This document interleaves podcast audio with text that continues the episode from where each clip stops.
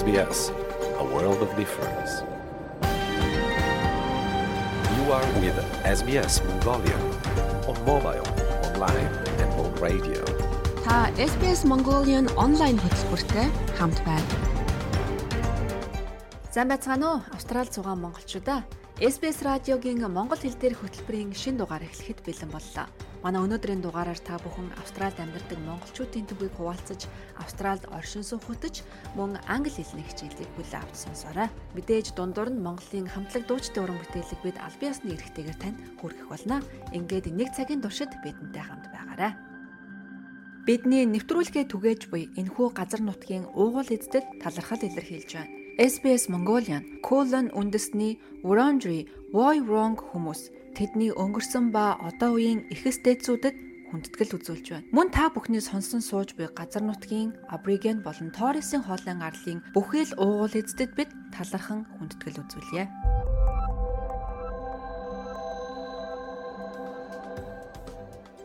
Манай радио хөтөлбөр Монголын уран бүтээлчдийн дууг аль биесны эрхтэйгээр танд хүргэдэг. Ингээд нэгэн уран бүтээлийг танд зориулъя.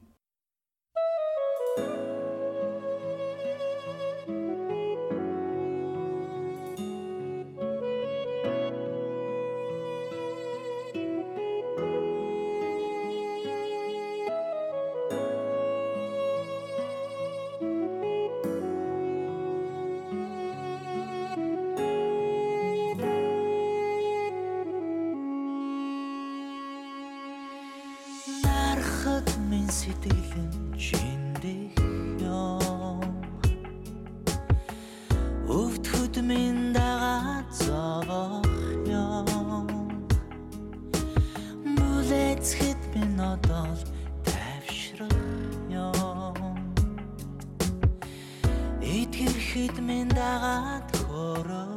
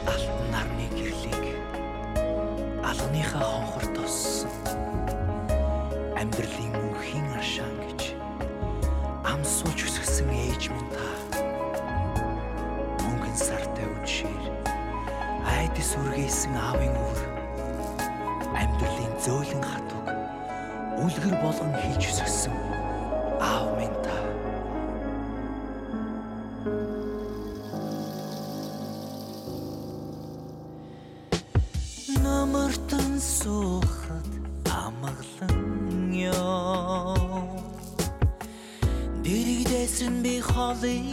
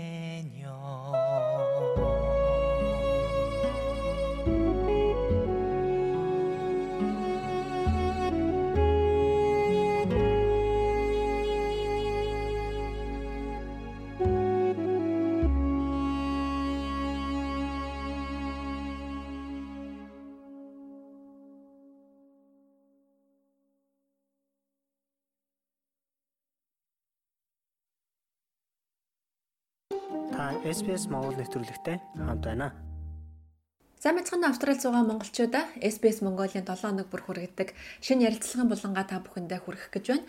Энэ удаад бид нэр Австралийн хүнсийг энэ амьдарч байгаа монголчууд маань хэрхэн сонгох вэ? Яаж хэрэглэх вэ гэдэг сэдвээр ярилцах гэж байна. За манай өнөөдрийн зочин шимт хичээлийн зөвлөх хоол ба хөвшмөл төөрөгдлийн тайлал номын зохиолч Наран Чимэг оролцож байгаамаа.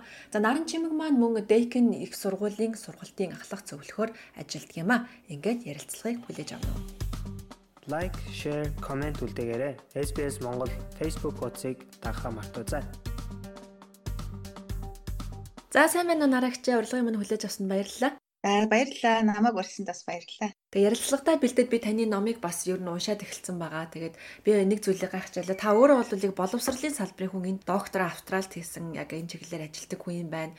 Тэгээд ер нь яагаад яг энэ шимт хичээлийн салбар руу орж одоо ном бичих хэмжээний их судалгаа хийх болов эндээс соёлоо ярилцлага эхлэвэл. За тэгээ за Австралид би 18 9 жилийн өмнө магистрийн зэргийг боловсролын салбарт хийхээр ирсэн. Тэгээд үргэлжлүүлээд бас боловсролын чиглэлээр PhD-гээ хийгээд тэгээ одоо энд ажиллаад амьдарч байгаа.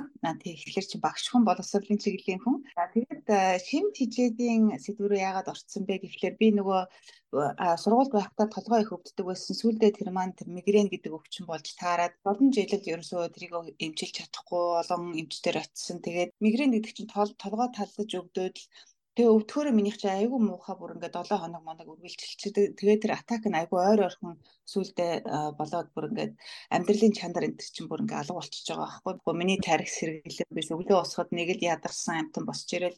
Тэгээд тэгэл эн чинь ерөөс айгүй олон жилийн түүх ингээд үргэлжлээд байгаа шүү дээ. Гоё. Тэгэл ерөөсөө энийг ерөөсөө би юу мэдээ өөрөө чи би чи нөгөө нэг миний бэкграунд чинь судлаач хүн болохоор тэгэл нөгөө судалгаа энэ уншаад айгу нойрд яваас. Тэгэл уншаад судлаад ирсэн чинь ерөөсөө л энэ тархинд үүссэн өрөвсөлтэй энэ тархины тархич өөрөө дархлааны эстэй тэр нь ингээд өрөвссөн байдгийн байна.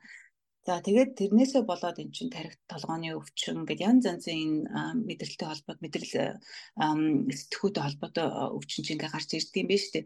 Тэгээд тэр нь юунтай холбоотой юм бэ гэсэн чи ерөөсөө энэ бидний өдөр болгон идээд байгаа хоол. Энэ нүүрс ус маш багтаа одоо жишээлбэл ketogenic diet гэж ярьдаг тийм. Сайн өөх тос ихтэй уурглаг хоолоо идээ явж хахад энэ өрөвсөл ингээ буурдаг юм байна. Надад ийм амар үнэтэй ийм эмчилгээ хэрэггүй юм байна гэдгийг бүр маш олон судалгаанаас уншиж янз янзын подкаст сонсож сайн ойлгочоо тэгээ өөр дээр хэрэгжүүлэхгүй юу?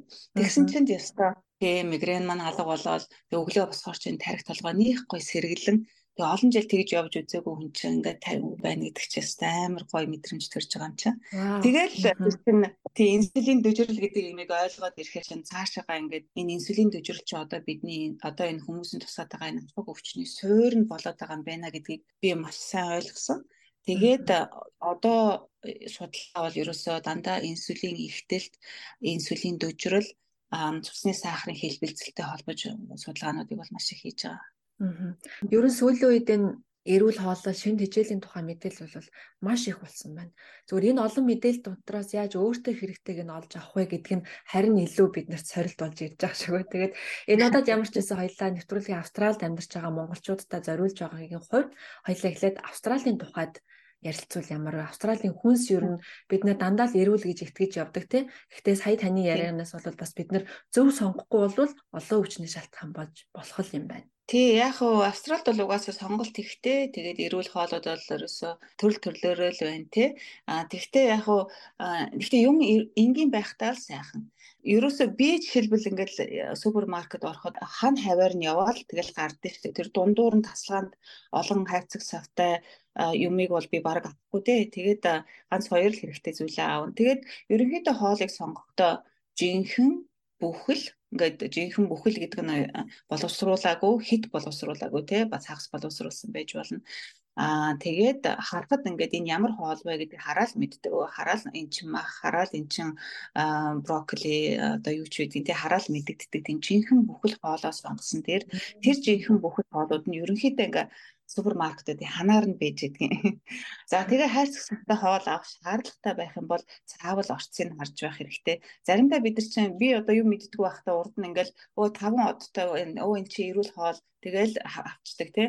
Тэгээ нөгөө маргарин Маргарин ч бүр амар тэгээд тэр наран цэцгийн тос мос тэр олон юуны юу sunflower, canola oil молч ерөөсө айхтар өрөвслийг архагшуулдаг тосууд байгаа байхгүй.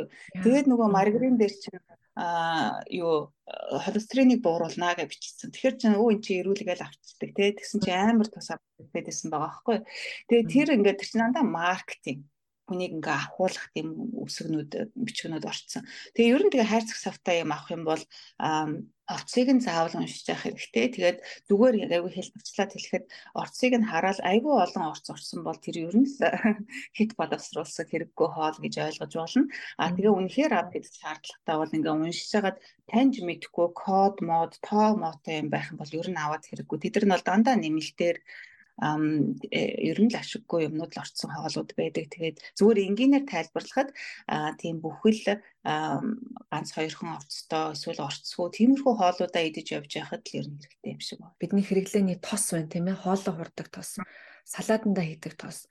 Ер нь тэгвэл алийг хэрэглэвэл бидэндэрт эрүүл болох юм ба. Ер нь Австралид байгаа бид нар ямар тосоор нь хоолоо хурах юм? Ямарыг нь салаатанда хийх юм? За тэгвэл альвгээр нь бид нар хуушаараа хайрч идэж болох юм? Аль нь биднэрт эрүүл вэ? Аюулгүй вэ? Тийм тэгээд тэр аль болох тэр одоо бидний мэдхийн тэр 9 тос гэдэг нь шүү дээ тий. За тэд чинь бас дотроо олон нэртэй. Тэгээд тэр тэр л 9 тостоо тэр нөгөө нэг мерзефтрин савта тэр 9 тос гоё цэвэрхэн шар өнгөтэй тэр тоснуудаас хол явах хэрэгтэй. Яагаад гэвэл тэр тосууд чинь а одоо нөгөө өндөр нүүрс өстэй одоо глютен, гурил талхчин гэдэг тэр өрөвслийг үүсгээд байгаа байхгүй юу? Эсийн төвшөнд. Тэгээд тэрийг архившуулаад байгаа зүйл нь тэр юу ургамлын тосууд нь болчиход байгаа. Тэгэхээр чи одоо жишээлбэл бид нар хуушураа ургамлын тосонд хайрлаа гэхэд чинь тэр чинь гурилтаа тэгээ ургамлын тостой тий. Тэгэхээр чин тэр эсийг өргөсүүлэх одоо тэр яг актер хоол нь болчиход байгаа байхгүй юу. Тэгээд ямар тосыг хэрэглэх вэ гэхлээр ерөнхийдөө мэдээж оливын тос сайн тий. За тэгээд коконат тос бас их сайн. Коконат тос маань бас л өргөсөл бууруулах үйлчилгээтэй сайн тос. За тэр коконат тосыг бол өндөгөө хайрж болно, хоолой хайрж болно. Шар тос байна. Шар тос одоо энэ Австралийн супермаркетууд айгүй илбэг байгаа. Тэрийгөө ч гэсэн хоол хүнсээ хайраад идэж болно тийм За тэгээд одоо тэгтээ нөгөө нэг хансан өөх тос те одоо бидний мартагаа хамт ирээд байгаа тос тосоо нөхрийн тос одоо шаргаасан тос пало гэд зардаг болсон ч гэдэг энд чинь. Тий. А тэрийг тэгтээ өндөр нүүрс устай хоол идж байгаа тохиолдолд хасан нэг өв тос бол тохиромжгүй. А өндөр нүүрс усаа багасгаад одоо гурилаа идэхгүй хаяал нэг иддэг байж болно те өдөр болгон идэхгүй байгаа тохиолдолд тиймэрхүү тало өхрийн шаргаасан тос энтрийг бол бас хоолндоо хэрглэж болно. За тэгвэл бид нар хуушураа шар тосон таарч идэж болох юм. Шар тос бол янз янзаараа зарагддаг болчиход байгаа дээ тий. Хуушур гэж ярьсных нэрээ бас хоёлоо гурилны тухай ярилцъя. Таны өгдөг бас сэдв штэ тий. Таны толгойч өвдөд байна уу, харшилч өвдөд байна уу, та гурлаа хасаад үз, сахараа хасаад үз, тосоо үржил гэдэг үл таны гурван юмыг дандаа хэлдэг штэ. Тэгвэл ямар гурил идэх вэ? Монголчууд ч бас гурилан дуртай штэ. Ер нь бас өсөө осоо талах эдгээр нь оройн цувинга бууцаа идэнэ. Юугаар ордог вэ? Тий, тэгээд яг гурилыг яг тэр нэг бууз хуушурны гурилыг бол орлуулах тэгэхэр чин бас хэцүү те одоо ямар алманд гурдаар хуушиг хэлтэй ш. Тэгээд яг хуу өдөр болгон үгүй ер нь дандаа идэж яах нэ одоо хагсаан бүтэн сайнд нэг удаа хийж идэгч гэдэг юм уу. Тиймэрхүү баягаар зохицуулах бол ер нь бол өдөр болго энэ гурил гэдэг зүйлийг чи идээд байхад их тохиромжгүй юм байгаа. Ингээд баг багаар идээл байх юм бол ингээд тэр инсулинийг ихтэл ихтүүлээл байгаа. Гурил идэх болгонд цусны сахар савлна. Ягаад гэвэл тэр чинь амар өндөр гликемийн индекстэй хоол байхгүй юу. Тэгээд инсулин ихээр ялгарна. Инсулин тэгээд байнга ялгараад байх тэр чинь ихтэй длэн гэсэн үг байхгүй. Тэгэхээр чи яваанда хэдэн жилийн дараа тэр ямар нэгэн суур өвчин хүний биед ингээ гараад ирж байгаа байхгүй 30 40 гараад ирэхэд тий. За тэгэхээр чин ингээд урилныхаа хэрэглээд ингээ жоохон журамлаад ядаж өглөөнийхөө хоолндоо идэхгүй тий Аа за тэгээд өдөр заавал идэх бол нэг ганц сүсэм гэдэг юм уу. За тэгээ орой заавал гэр бүлэрээ сууж ууз гошураа идэх хэрэгтэй, гурилтай хоолоо идэх хэрэгтэй гэх юм бол 7 хоногт нэг удаа ч юм уу ядаж л ундаа хажуугаар нь уухгүй байхтай ундаа ч бас л их глюкоз, фруктозтой. За тэгээд эхлээд жижиг салаад ямар ч хамаагүй нэг жижигхэн салаад идчихэд Тэгээд хуушуур буузаа идэх юм бол бас л цэцний сахарыг гинт савлуулахгүй тэгэхээр чи инсулин бага ялгарна гэсэн үг. Тэгээд ийм жижиг шажиг арга хэмжээ авч болно. Өглөө монголчуудын заа магадгүй нийл олонх нь биш байж магадгүй. Миний хувьд бол өглөөний үндсэн хоол талах байдаг байхгүй. Тэгээ өглөө босоод та юу иддэг вэ? Би өглөө бол миний хоол бол ерөөсөө айгүй энгийн шүү дээ. Хоолоо идэх юу гэж юуг хардаа тавган дээр миний хоол тавган дээр уург байна уу? Өөх тус байна уу?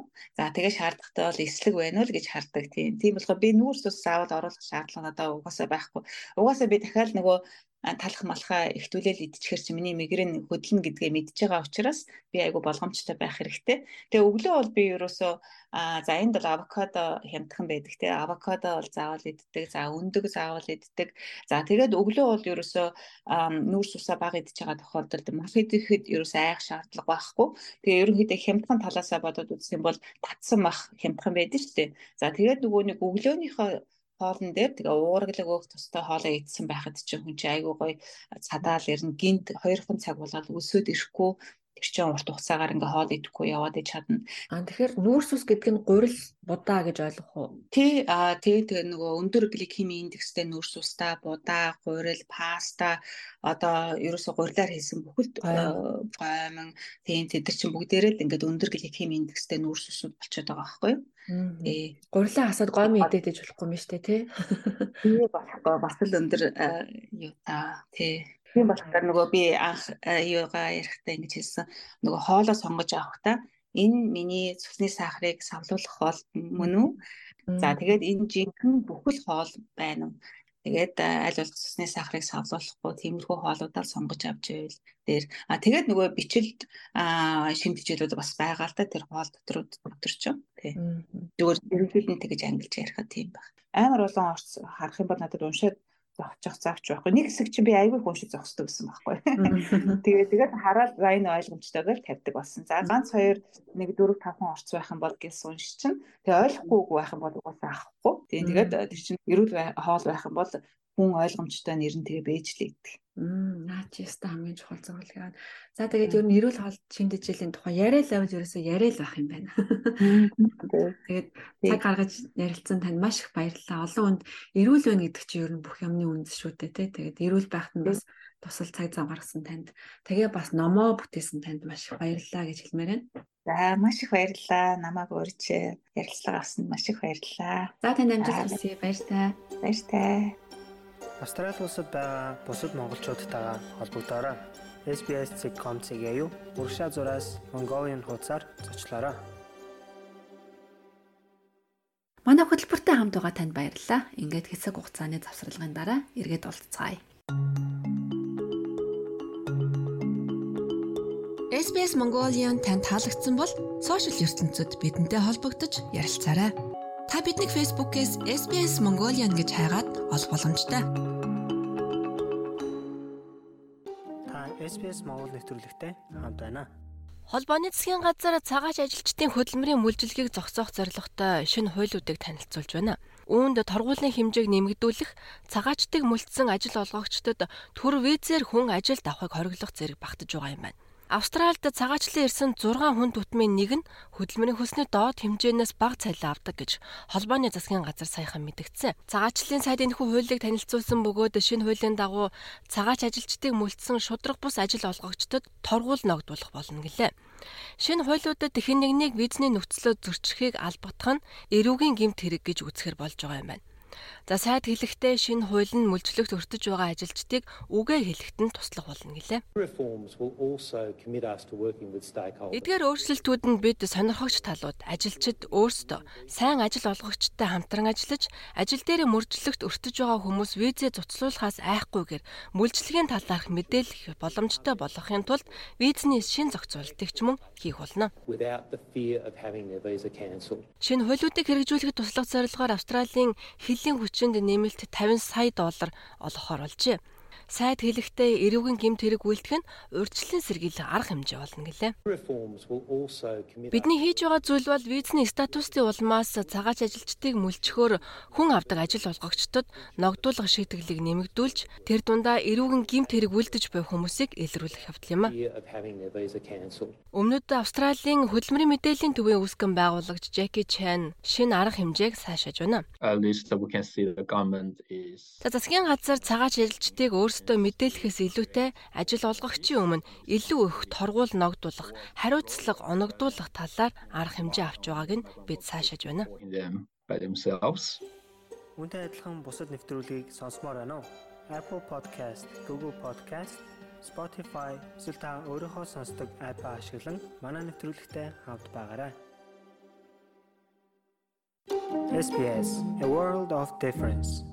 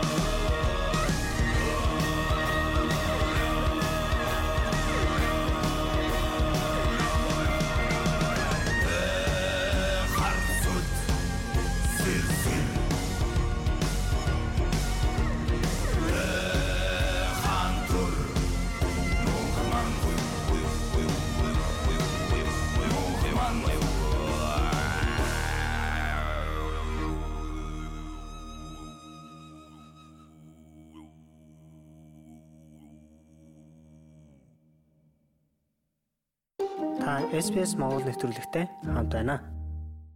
Австральд оршин суух хөтж булангийн энэ удаагийн дугаараар Ахмадын асрах газарт ямар хэрэг байдаг, хэрвээ гомдол байвал хэрхэн гаргадаг тухайд ярилцсанаа. Австральд ахмадуудыг гэрт нь эсвэл тусгаалan байгуулсан асрах газарт халамжилдаг төрийн өмчийн асрах үйлчилгээ байдаг. Гэхдээ тэнд асруулж байгаа ахмадууд ямар нэгэн байдлаар сэтгэл дундуур байвал гомдлоо хэрхэн гаргах вэ? Энэ талаар бид ярилцуулна. SBS Монгол нэвтрүүлэг таны гар утас болон цахим хуудасд нийлдэхтэй байна. 1997 онд батлагдсан Ахмадын асрамжийн тухай хуульд тэдний үйлчилгээ авч байгаа хүмүүсийн эрхийг хамгаалах заалтыг оруулсан. Ахмадуудад нийт 14 эрхийг олгосон бөгөөд үүний эхний хоёрт тэдний нэр төр хүндэтгэлтэй хандах аюулгүй чанартай үйлчилгээ авах эрхүүд багтдаг. Мөн ямар нэгэн дарамт шахалтгүйгээр гомдолт гаргах энэ гомдлыг шударгаар шуурхаа шийдвэрлүүлэх эрхтэй байдаг. Комиссар Жанет Андерсон төрөө санхүүждэг ахмад насны асрамжийн үйлчилгээний үндэсний зохицуулагч болох тусламж үйлчилгээний чанар аюулгүй байдлын комиссийг тэргүүлдэг юм а. Энэ комисс нь асрах газруудаар явж хяналт тавьж тэдэнд хариуцлага тооцдог. Бидний гол анхаарал хандуулдаг зүйлээ товчхон дурдвал тэд ахмад наснуудад хүндэтгэлтэй хандж байна уу? Тэдний үйлчилгээ аюулгүй чанартай юу? Тэд хувийн хэрэгцээ, хүсэл сонирхолд нь нийцүүлэн тусламж үйлчилгээгээ тохируулж байна уу? Тэд хэрэглэгчийн эрүүл мэнд, сайн сайхан байдалд хүрч болох эрсдлийг үр дүнтэй удирдах чадаж байна уу? Тэд хангалттай боловсон хүчинтэй юу? Амьдрах орчин нь аюулгүй анхаарал халамж тавихад тохиромжтой байгууллага өөрөө сайн удирдлагатай юу гэх зэргийг авч үздэг. Хэрвээ ямар нэгэн асуудал байгаад шийдэгдээгүй хിവэр байвал энэ комисс ахмадуудын өмнөөс эсвэл тэдний өмнөөс гаргасан аль биесны гомдлыг шийдвэрлэх үүрэгтэй байгууллага юм. If they have a concern about some aspect of their care, the best Халамжийн үйлчилгээ сайжруулах хамгийн сайн сонголт бол тусламж үзүүлж байгаа хүмүүстэйгээ сайтар ярилцах явдал юм. Гэхдээ тухайн хүн үйлчилгээ үзүүлэгчтэйгээ шууд асуудал тавихад эвгүй эсвэл дургүй байх хэд хэдэн шалтгаан байж болно.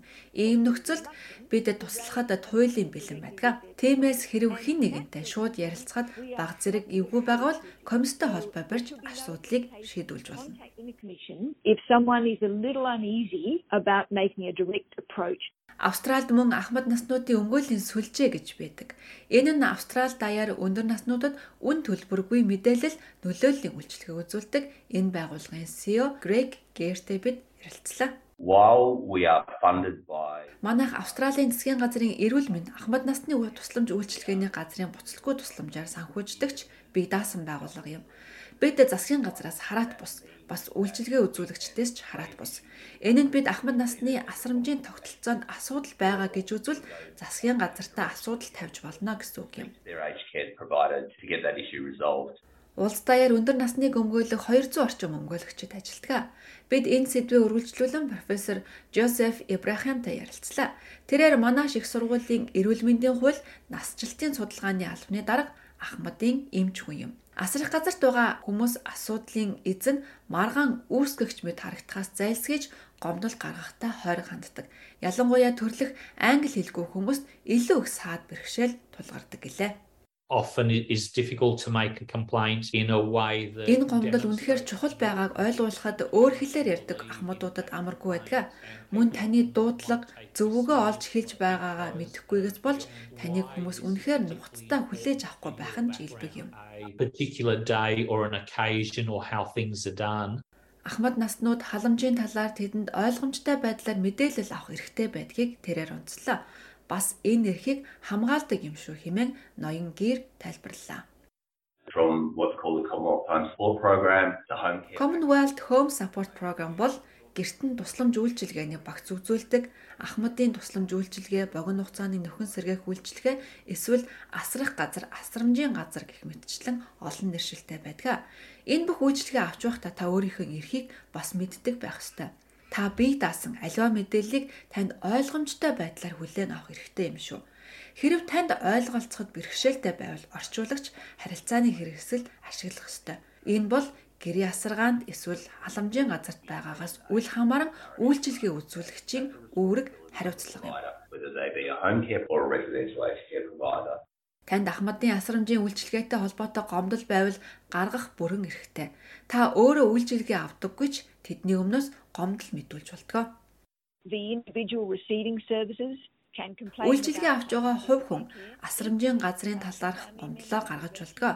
Мөн үүний нэгэн адил гэр бүлийн гишүүд нь хамаатан садан найз нөхөд тэрч байтугай өндөр насны асрамжийн газрын ажилчид нь өөрсдөө тусламж үйлчилгээнийхээ талаар санаа зовж байгаа зүйл байвал бидэнд гомдлоо ирүүлж болно. Комисс гомдлыг хүлээн авмагцаа үйлчлэгээ үзүүлэгчтэй ажиллаж эхэлдэг. Хэрвээ гомдол гаргасан хүн нэрээ нууцлаагүй бол энэ асуудлыг шийдвэрлэхэд тэдэнтэй ч хамтран ажиллахыг хүсдэг. Гэхдээ комисс бүх асуудалд хамааралтай биш гэдгийг ойлгох хэрэгтэй гинэ. We don't provide legal advice and we don't provide healthcare advice. Бид хууль зүйн зөвлөгөө өгдөггүй, эрүүл мэндийн зөвлөгөөч өгдөггүй. Бид насваралтын шалтгааныг судалдаггүй. Учир нь энэ бол шүүх шинжилгээний байгууллагын харьяанд байдаг. Бид мөн үйлчилгээ үзүүлэгчийн ажилчдын цалин хөлс, ажиллах нөхцөл гэх мэт боловсон хүчний асуудалд оролцдоггүй. relating to the provider staff such as wages, terms and conditions of employment. Танд альва санаа зовоосон зүйл байвал эртхэн хэлхийг профессор Ибрахим зөвлөж байна. Албан ёсны гомдол гарахаас өмнө талууд өөрсдийн хэрэгцээ, хүсэл сонирхлоо ярилцаж чадвал гомдлыг шийдвэрлэхэд илүү их хялбар болно гэж тэрээр хэллээ. rather than say that nurse was awful the water was too cold Тэр сувлагч маш муу намаа хитрхи хүйтэн усанд оруулсан гэж хэлхийн оронд би өглөө оройдоо шүршүүт орох дуртай халуун устай байвал би их таатай байх болно гэж хэлээрэ. Тэгээд халуун усанд оруулж чадах хүнийг надад олж өгөөч гэж хүсэлтэй аль биесээр гаргаж болно шүү дээ. Та юу хийхийг хүсэж байгаагаа мэдэж байгаа тул хүслээ хэлж болно, тайлбарлаж байгаарай. and so you're turning it around into a conversation Хэрвээ таны хэрэгцээ хангахдахгүй хിവэр байгаа бол бүртгэл хөтөлж байхыг зөвлөлөө. Бас нөгөө хүнээ сонсож нээлттэй байхыг хичээгээрэй. I think it's essential that you choose Миний бодлоор та гэр бүл эсвэл найз нөхдийнхөө итгэлийг хүлээсэн хүнээ өөрийн асрагчаар сонгох нь чухал гэж бодож байна. Учир нь та өөрийн бодлоо ил гаргаж харилцахыг хүсдэг. Хэрвээ асуудал байгаа бол та юу болж байгааг тэмдэглэж аваарай. Асуудал шийдэгдэхгүй удсан тохиолдолд дараа нь хэрэгтэй мэдээлэл нотлох баримттай болно. Алхам бүрийг баримтжуулж нөгөө талыг сонсох нээлттэй сэтгэлтэй байх нь хамаагүй дээр юм шүү. Та Ахмадын өмгөөлөгчтэй харилцахыг хүсвэл 18 тэгтэг 700 600 дугаарт холбогдож ярилцаарай. Энэ дугаар үнэгүй байдаг. Харин Ахмадын тусламж үйлчилгээний чанар аюулгүй байдлын комисстэй холбогдохыг хүсвэл 18 тэгтэг 951 822 дугаарт холбогдно. Австрали улсад амьдарч эхлэх гэж байна уу? Хэрэгтэй мэдээллийг SBS.com.cg юу? Уршаа зураас Mongolian хуудасаас хүлээн авах нь. Та SBS Монгол хэл дээрх радио хөтөлбөртэй хамт байна. Англи хэл сурах нь таны амьдралыг өөрчилнө. Та хэлээ сайжруулангаа Австралийн соёл, амьдралын хэв маягийн тухай SBS Learning English-с сураарай. Манай подкастыг хаач явсан сонсож болно. Learning English helps me resolve conflict at work. Hello and welcome to the SBS Learn English podcast. SBS acknowledges the traditional custodians of country and their connections and continuous care for the skies, lands and waterways throughout Australia. My name is Josipa and I'm still in the process of learning the English language. Just like our listener Angela, who sent us an email asking to do an episode with phrases that can be useful if there is conflict at work. Well, Angela, this episode is for you. We hope you like it, and we are sure that many other listeners will find this topic useful as well.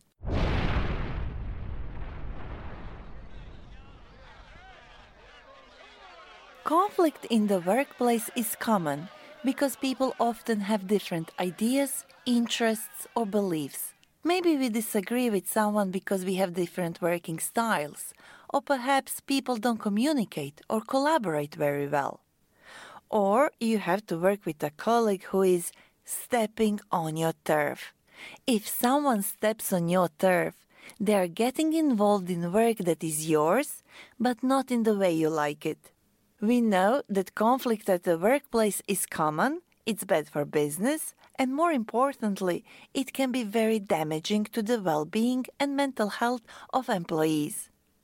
So, what can we do in a conflict situation? Well, we could work towards resolving the conflict instead of being at each other's throats. which is another way of saying arguing and fighting. But it can be hard to know how to deal with conflict at work when English is not your first language. How can you talk about this without sounding too direct?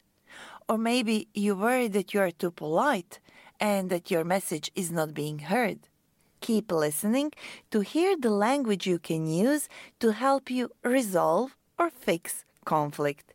With us today are Alan and Claire. I'd like us to talk, even though we might not solve everything at once. I hear what's important to you, but if you could look at it from my perspective. Okay, let's talk. I'm sure there'll be some things we can agree on. I'm sure there'll be some things we can agree on. All the phrases we've just heard can help us work towards the resolution of conflict. Let's hear them again, one by one. First, we had Alan. I'd like us to talk, even though we might not solve everything at once. I want us to talk even though we might not solve everything at once. By saying this, you recognize that conflict exists and are prepared to work toward a resolution, even though not every problem can be solved. I hear what's important to you, but if you could look at it from my perspective. I hear what's important to you, but if you could look at it from my perspective. By saying this, you're acknowledging another person's opinion and asking them to do the same. Alan then said, Okay, let's talk. I'm sure there'll be some things we can agree on. It's like saying I'm ready for compromise. A compromise is an agreement or settlement of a difference of opinion in which each side loses something. It's like an agreement in which neither side gets exactly what they want. But at least they reach some sort of agreement, and that stops people being at each other's throats.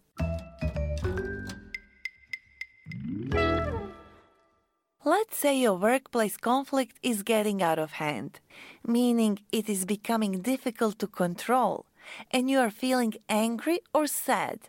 So, if you're upset, you could say, Let's take a break and talk again once we've cooled down a bit. That sounds much better than saying, I can't deal with this or this will never work. Let's take a break and talk again once we've cooled down a bit. To cool down a bit means to stop being angry.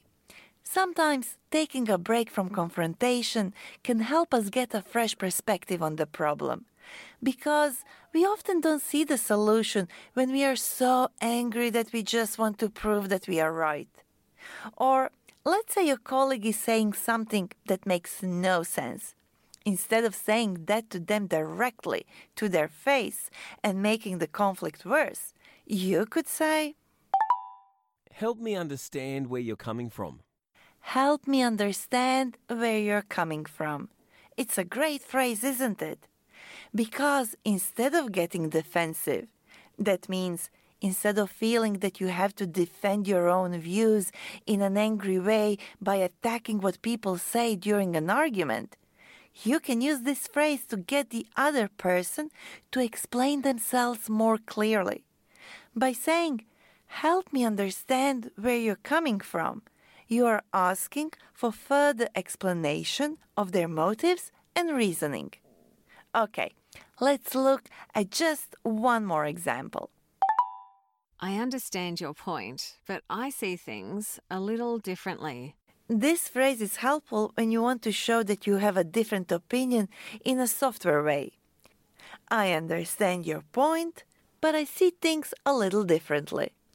By saying this, we acknowledge their point of view because their opinion matters, even if we disagree with them. And if I find myself in a situation where an agreement can't be reached, I could say, okay, so let's agree to disagree.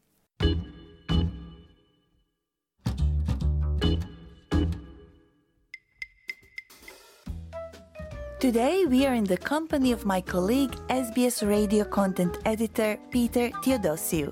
Hi, Peter. Thanks for being part of the show. Hi, Osipa. I'm a big fan of the Learn English podca- podcast, so it's a pleasure to be here. Workplace conflict is bad for business, but perhaps even more importantly, it can be very bad for the people involved too, right? Yeah, well, workplace conflict, especially long lasting, can create a toxic environment for everyone.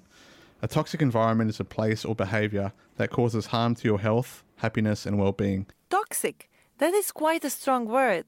It is usually used to describe a poison. That's right. A workplace must be very harmful if you describe it like that. But even conflict that is not so extreme can still be very stressful. especially if the conflict remains unresolved for some time. Many studies have confirmed that unresolved workplace conflict causes considerable stress, anxiety, and depression that can ultimately lead to more serious mental health issues. Unfortunately, these days, whether we are in conflict with someone or not, so many of us need support to achieve our best mental health and reduce the daily stress in our lives.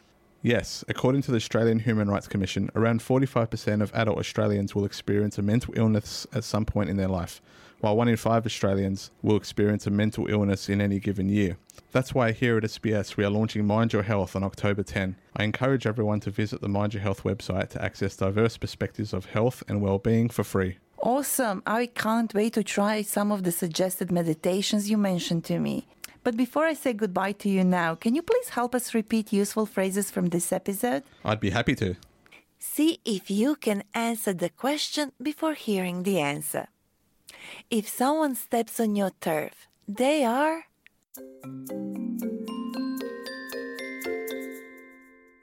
If someone steps on your turf, they are getting involved in work that is yours, but not in a way that you like. If two people are at each other's throats, they are.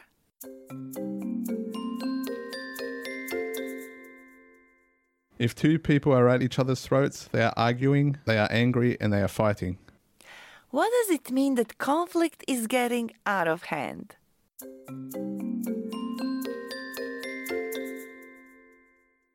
If conflict is getting out of hand, it means it is becoming difficult to control and you are upset because of it. Today, we practice some phrases that can help us move toward workplace conflict resolution. I hear what's important to you, but if you could look at it from my perspective. I want us to talk even though we might not solve everything at once. Let's take a break and talk again once we've cooled down a bit. I'm sure there will be some things we can agree on. I understand your point, but I see things a little differently. Help me understand where you're coming from. Resolving conflict is hard in any language and culture.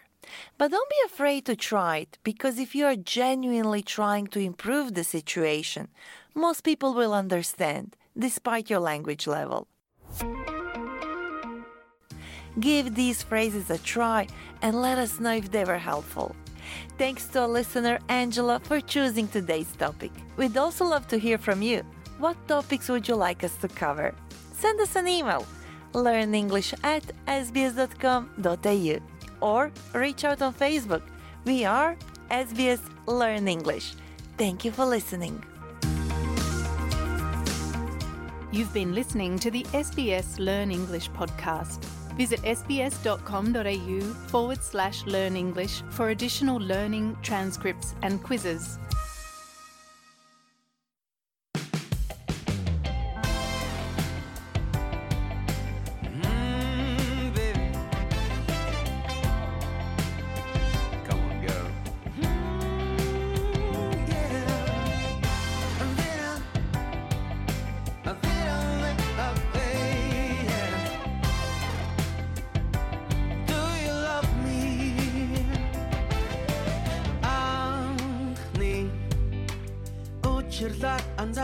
Чамайг айхаад Тархад ялта миний эмсэглэл чин татсан. Санаандгүй үнс сахилахгүй хөрхөн төр Сайн үчим минь одоо өөрийгөө би зүх. Хайрын сэтгэл алдахаа. Хариу хүсэж чамаас асууй Хайртай юу надад yeah Хариуч нь хүлэн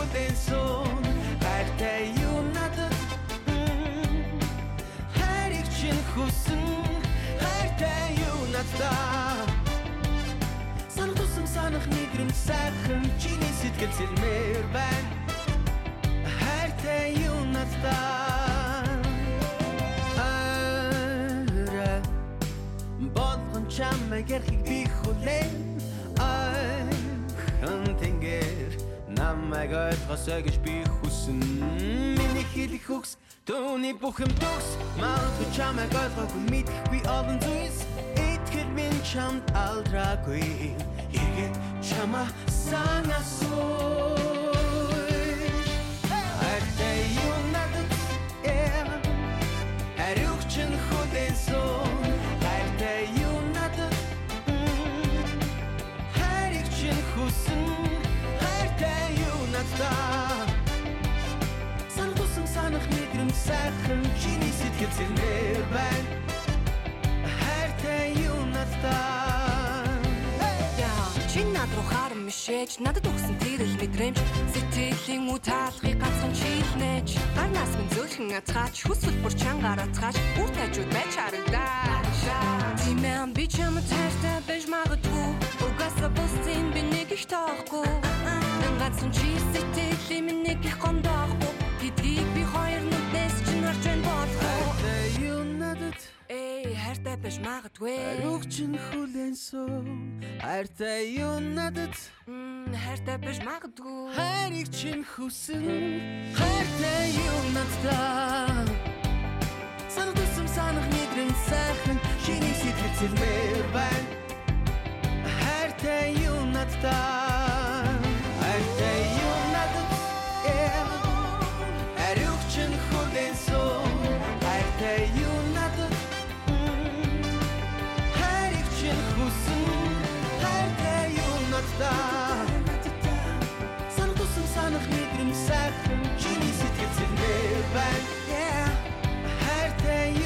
надад Oh babe Хайртай юу надад SBS A World of Difference. Та SBS Монгол нэвтрүүлэгтэй хамт байна. Австралид борлуулдаг өвчин намдаа хэмээн хэмжээг шинэ хязгаарлалтаа болгожээ. Парацетамолын нэг савлгаанд 20 шахмал байсныг 16 болгож, эмийн сангийн савлгаатай эм нь 100 байсныг 50 болгохоор эм эмчилгээний хяналтын албанаас шийдвэрлэлээ. Австралчууд өвчин намдаах эмийг хэтрүүлэн хэрэглэхийг багасгахын тулд 2025 оноос эхлэн парацетамолыг бөөнөр авахын тулд эм зүйчээс зөвшөөрөл авах шаардлагатай болж байна. За парацетамолыг 70 гаруй жилийн туршид халуурах, хөнгөн болон дунд зэргийн өвдөлтийг намдаахад ашиглаж ирсэн. За бид энэ тухай доктор Фэй Симтэй ярилцсан юм а. Тэрээр Австралийн эм зүүн нийгэмлэгийн үндэсний ерөнхийлөгч юм а. Paracetamol is Парацетамол бол маш өргөн хэрэглэгддэг өвчин намдаах юм юм. Энэ нь маш үр дүнтэй. За мөн дэлхийд даяар тэр дундаа Австралид ч олдоц ихтэй байдаг юм. За энэ нэмэр цочмог болон архаг өвдөлтөд үед хэрэглэж chronic um. Өвдөлт намдаа химийг супермаркет жижиг дэлгүүрүүдээс худалдан авах боломжтой хэвээр байна. Гэхдээ нэг багцад 20 биш 16 байхаар үйлдвэрлэх юм байна. Эмийн санд багцын хэмжээ 100-аас 50 болгон бууруулж байна. Австралчууд эм зүйчийн хяналтанд дор 100 хүртэлх парацетамолын шахмалыг багцаар нудалдаж авах боломжтой хэвээрээ байна. Бүтээгдэхүүний савлгаанд баг зэргийн өөрчлөлт оруулах шаардлагатай байгаа. За панадол зэрэг парацетамол агуулсан өвдөлт намдах бусад идэвхтэй найрлагатай парацетамол агуулсан ханиад томоогийн шахмалууд ч мөн энэ удаагийн өөрчлөлтөнд хамаарах юм байна. Парацетамолыг санаатаагаар хэтрүүлэн хэрэгснээс үүсэх хор хөнөөллийг бууруулах зорилгоор эмэмчилгээний хяналтын албанаас энэхүү өөрчлөлтийг оруулснаа мэдгдсэн. За Сиднейн их сургуулийн эмзүүн салбарын ахлах багш доктор Rose Cairns ингэж ярьлаа. if people are taking the appropriate dose, you know, according to the packet, um, Хэрвээ хүмүүс зааврын дагуу зохих тунг ууж байгаа бол энэ нь аюулгүй. Харин санаатай эсвэл санамсаргүй тунг хэтрүүлэн хэрэглэх үед илгэнд сөрөг нөлөөтэй байдаг. Харамсалтай нь парацетамол нь Австральд илгэний цочмог гэмтлийн хамгийн түгээмэл шалтгаан болж байна. Тиймээс энэ бол үнэхээр том асуудал юм. Хүмүүс ихэвчлэн ийм хямралд орсон тохиолдолд өөрт байгаа бүхнээ л өгдөг. Тиймээс хэрэг бид хүмүүсийн гэрт байдаг шахмалуудын тоог нь бууруулж байгаа бол энэ нь хэтрүүлэн хэрэглэх, илэгний гэмтлээс үүсэх хор хөнөөллийг бууруулж байгаа санаа юм а. Австральд жил бүр парацетамол хэтрүүлэн хэрэглэснээс болж 255 хүн эмнэлэгт хэвтэн эмчлүүлж 50 хүн нас Ийм эмчилгээний хяналтын албанаас санаатаагаар хэтрүүлэн хэрэглэх тохиолдол өсвөр насныхан болоод залуучуудын дунд түгээмэл байгааг хэлж байна. За судалгаанаас үзэхэд ихэнх санаатаагаар хэтрүүлэн хэрэглэх нь дөнгөж худалдан авалтанд хамаагүй бөгөөд нөөцлөх нь гол асуудал болж байгаа юм. Шинэ өмнөд Вэлсийн хордлогын мэдээллийн төвөөс парацетамолоор өөрийгөө хордуулсан хүмүүсийн дунд явуулсан судалгаагаар тэдний 10% нь л тухайн үедээ өвчин намдах имийг худалдан авсан нь тогтоогджээ. Парацетамолыг санаатаагаар хэтрүүлэн хэрэглэснээс болж хүнд гэмтэл нас барсан тохиолдлын талаар бие даасан шинжээчийн дүгнэлт мөн хоёр удаагийн нийтийн хилцүүлгээс гарсан саналыг үндэслэн энэ удаагийн шийдвэрийг гаргасан байна. За Julia Jones бол Payne Australia компани гүйцэтгэх захирал. Тэрээр энэ шийдвэрт сэтгэл дундуур байгаагаа илэрхийллээ. Энэ бол аль хэдийн маш олон хязгаарлалтууд тавигддаг архаг өвдөлттэй хүмүүст ирж байгаа бас нэг хязгаарлалт. Сүүлийн 5 жилийн хугацаанд тэд эпиод болон кодиан хэрэглэх боломжгүй болсон. За одоо парацетамол хэрэглэхэд дахиад хүндрэл учирч байна. Гэхдээ ийм байх ёсгүй. Хүмүүс хэрэгтэй үедээ хэрэгтэй зүйл авах боломжтой байх ёстой.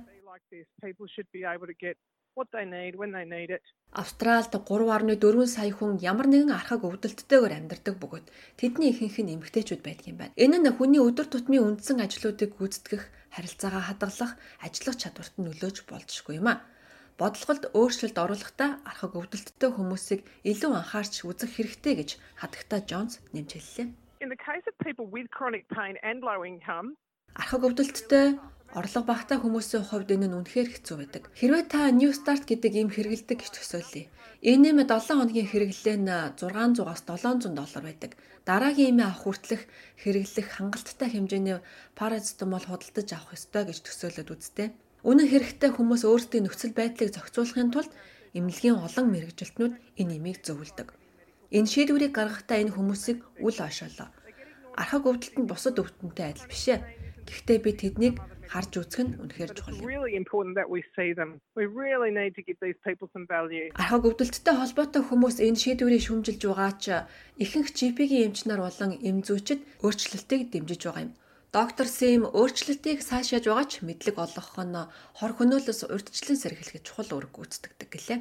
I think as a community we need to work together to improve the education. Нийтээрээ бид парацетамолын эрсдлийн тухай мөн эмийн сөрөг нөлөөний талаарх боловсролыг дээшлүүлэхийн тулд хамтран ажиллах хэрэгтэй гэж би бодож байна. Парацетамол нь маш түгээмэл мөн бүх хүн мэддэг учраас хүмүүс тэр бүр энэ юмны аюулгүй байдлын талаар мэддэггүй. За аюулгүй хэрэглээний талаар санаа зовоосон зарим зүйлс байгаа. Олон нийтийг боловсралтай болгох талаар бодлого санаачлах хэрэгтэй байна such that um, the public can be educated as well. Австрал бол парацетамолыг хэр хэмжээгээр худалдан авахыг хязгаарласан анхны улс биш юм. Илэг гимтэх, нас барах эрсдэлтэй тул парацетамолыг Европод нийтэд худалдахыг бүрэн хориглосон байдаг. Доктор Кэренс хэлэхдээ эдгээр өөрчлөлтүүд гадаадад амжилттай хэрэгжиж байгаа бөгөөд за ер нь ингийн хэрэглэгчид санаа зовох зүйл биш юм гэлээ for most people they won't even notice that there's been a change really. Ихэнх хүмүүсийн хувьд өөрчлөлт гарсан гэдгийг ч анзаарахгүй байх болно. Хангалт бүх сувгаар дамжин хийгдэх тул хүмүүс супермаркет эсвэл эмийн сангаас парацетамол авах боломж хэвээрээ байгаа. Харин багцад ирэх эмийн тоо бага зэрэг буурна. За гэхдээ хэрвээ танд шаардлагатай байгаа бол эм зүйчтэй ярилцаад илүү том савлгаатайг нь авах авч болно. That much paracetamol. Үйлдвэрлэгчид болон жижиглэн худалдааны цэгүүдэд энэ шинэ өөрчлөлтөнд дасан зохицоход хангалттай хугацаа олгох үднэс энэ журмыг 2025 оны 2 дугаар сараас эхлэн хэрэгжүүлнэ гэж им эмчилгээний хяналтын албанаас мэдээллээ. Үүнтэй адилхан бусад нэвтрүүлгийг сонсомоор байна уу? Apple Podcast, Google Podcast, Spotify зэрэг та өөрийнхөө сонсдог апп ашиглан манай нэвтрүүлэгтэй хавд байгаарай. SBS радиогийн монгол хэл дээрх хөтөлбөртэй хамт байсан танд баярлалаа. Ирэх 7 хоногийн пүрэв гарагт 2 цагт эргээд уулзцагаая. Түр баяртай.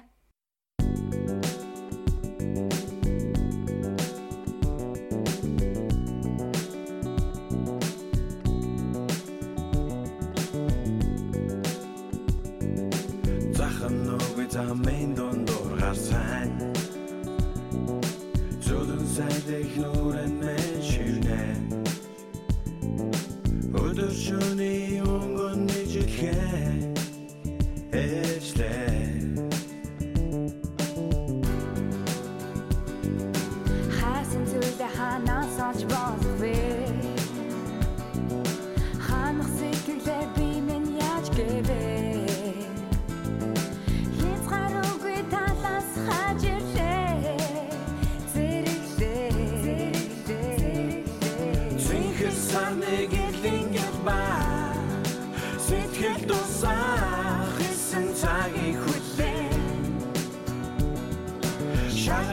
Шарын мавад өнгөнөх хялаа Сасан дотроо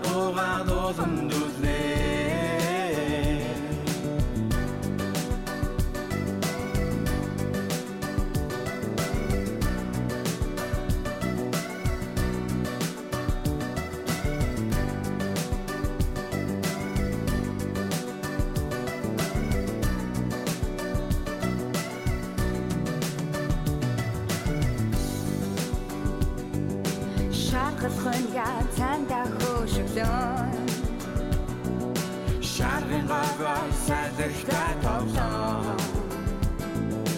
Орон зайд нүх тоолгодоо тоолоо гიშиглээ гიშиглээ гიშиглээ Зинхэр сарны гэрлийн гэр ба Сэтгэл дусаа Хисэн цагийг хүлээ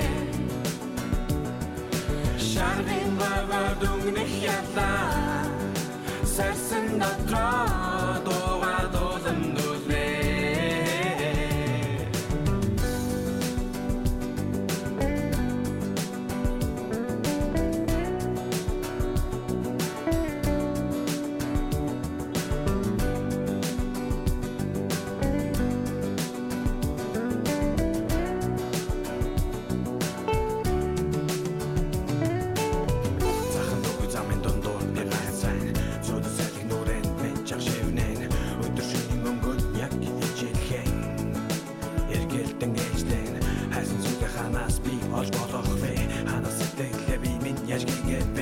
Хязгааргүй талаас би хажирлээ Надад үзэгдэн говийн зэрэглээ. Цэнхэр сарны гэрлингэл ба.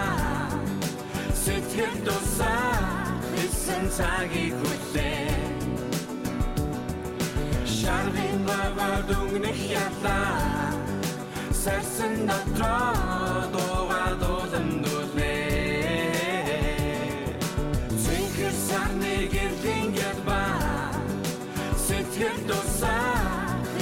цагийг хүлээ.